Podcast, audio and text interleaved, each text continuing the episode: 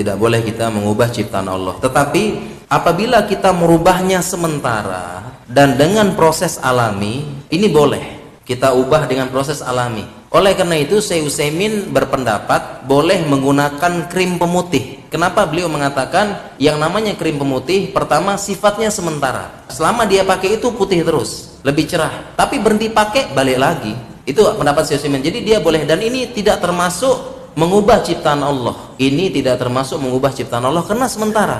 Dan ini diperkuat dengan ilmu kedokteran yang namanya kulit tidak akan bisa berubah warnanya. Karena setiap kita ini sudah lahir dengan pigmen kulitnya. Setiap kita sudah lahir dengan melanosit sel yang menghasilkan melanin warna kulit.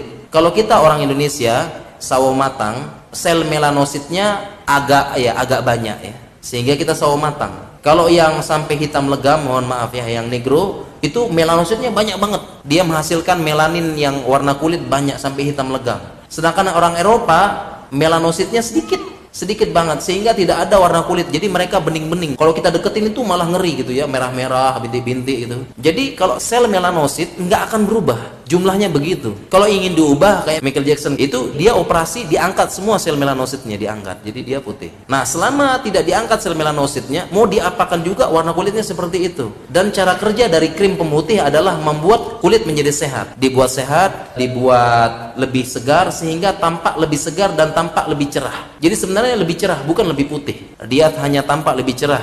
Karena kalau putih hitam tidak bisa diubah sama sekali secara ilmu kedokteran. Sudah tetap sel melanosit sesuai gennya. Dia hanya lebih cerah. Dan ketika krim pemutih tersebut berhenti dipakai, balik lagi. Makanya Syekh Utsaimin mengatakan boleh memakai krim pemutih. Saya bacakan fatwanya amma izakana yubidul wajha fi waqtin muayyanin idza ghasala zala fala ba's. Apabila dia memakai pemutih wajah fi waqtin muayyan waktu sementara. Terlebih kalau dia cuci hilang maka tidak apa-apa katanya Syekh Utsaimin. Ya. begitu juga dengan uh, pendapat yang lain Ibnul Jauzi amma al awiyatul lati tuzilul kalafa tuhsinul wajha li zauji fala ara biha ba'san.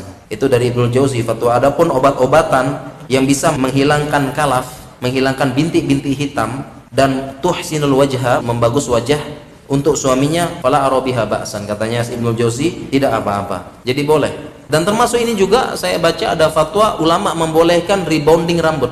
Rebonding meluruskan ini boleh. Kenapa? Karena rebonding sifatnya sementara. Dia lurus sementara, lama-lama lama-lama lama keriting lagi. Karena dia tidak tetap dan ini tidak merubah ciptaan Allah dan yang paling penting rebonding untuk suaminya. Ya, tetapi secara kesehatan tidak disarankan. Kenapa? Karena itu merusak rambut sebenarnya. Merusak rambut, memberikan panas yang tinggi tinggi dan sebagainya. Jadi ada kaidah juga. Jadi kalau dia hanya sementara dan prosesnya alami artinya ya bertahap ya. Tidak langsung maka ini boleh. Ini boleh ya. Jadi dia pakai krim ya dia pakai sebulan seminggu barulah cerah wajahnya bagus wajahnya ini tidak apa-apa